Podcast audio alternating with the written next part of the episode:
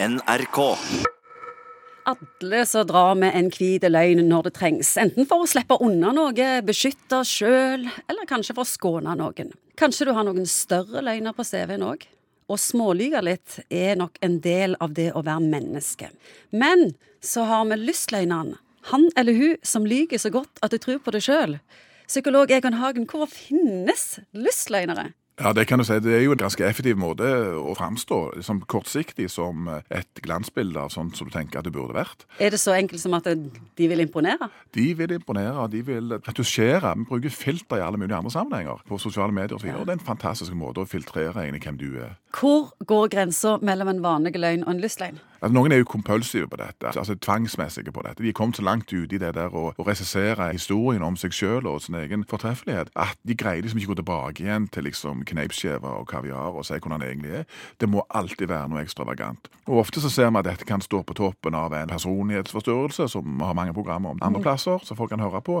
Altså Hvor det er en, en gjennomført måte å ikke være distrahert av samvittighet og løgnens ubehag, men hvor du er 100 instrumentell i forhold til hva du ønsker å oppnå. Forklar mer. Ja, Grunnen til at uh, ikke meg og deg eh, lyver så mye, det er at uh, vi tenker at det tar seg ikke ut, eller det, det er ikke riktig i forhold til hvem du ønsker å være. Det, det passer ikke i forhold til integriteten din. Nei, og Hvis, hvis ikke moralen er høy nok, så er det kanskje frykten for å bli tatt? Frykten for å bli tatt. Det er noen reguleringsmekanismer. Ja. Men hvis du vet at dette gjør du så gjennomført, og du har ingen distraksjon i forhold til samvittighet osv., så, og så, videre, så blir du ganske effektiv, iallfall en kort stund, på å filtrere og redigere historien om deg sjøl. Men en lystløgner sin karriere begynner med at de ikke føler seg bra nok? Ja, det kan være, men det trenger ikke bare være sånn offergreier. ser du. Det, vi tenker ofte at det må være noe trist som ligger i utgangspunktet. Husk på det at eh, vi er født i denne verden, så vi er ikke primært født for å være redde. Vi er født inn i en verden hvor vi ønsker å få det sånn som vi vil. Og dette er en ganske offensiv og direkte strategi på ja, å få det sånn som vi vil.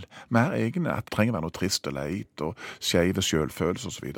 Ja, hvis du har en uh, lystløgner i uh, ditt nærmiljø på et eller annet vis, skal vi avsløre deg da, eller bare la det ha La de holde på. Ja, det der er jo sånn hva kamper skal du ta, og skal du oppdra alle hele veien, og skal du reise rundt som litt sånn terapeutisk felttog på alle mulige raringer.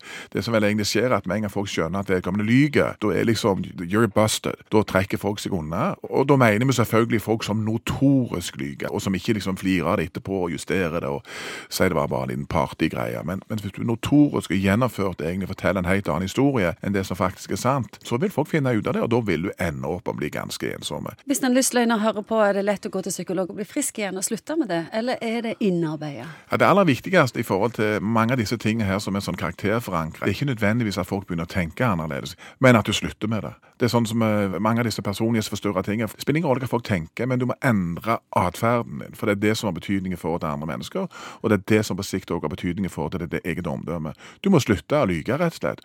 Og klart at hvis du har drevet med dette og hatt disse fantastiske historiene om at du kommer fra en russisk tsarfamilie, så klart at det er et stort nettotap den dagen du faktisk må erkjenne at ja, jeg kommer faktisk fra en kjellerleilighet på Hundvåg. Men de framstår jo som ganske stakkarslige når du lyver kun for å få oppmerksomhet og anerkjennelse? Ja, du kan si at det er jo sikkert mange varianter av det å være lystløgner òg. Og noen kan sikkert framstå eh, stakkarslige fordi at du kanskje ikke er så ressurssterk i utgangspunktet. Men hvis du er ressurssterk eh, Der er denne amerikanske filmen 'Catch Me If You Can', som handler om ja, han som kledde seg ut som, som, pilot og alt dette. sant? Så hvis du er ressurssterk eller, eh, så, så, kan det funke fint. Så kan det funke fint. Eller hvis han pokerspiller, så trenger du òg det der at ingen skal egentlig vite hva du tenker og hva du holder på med. Så det er sikkert situasjoner hvor du kan være veldig, veldig effektiv hvis du er ressurssterk og, og gjennomført i forhold til dette. Og hvis du beveger deg mye. Du kan ikke besitte den i den samme sosiale konteksten over tid, for da blir coveret ditt blåst før eller siden. Så du må flytte på deg. Men da kan det være ganske effektive. Det er noe med alt. NRK.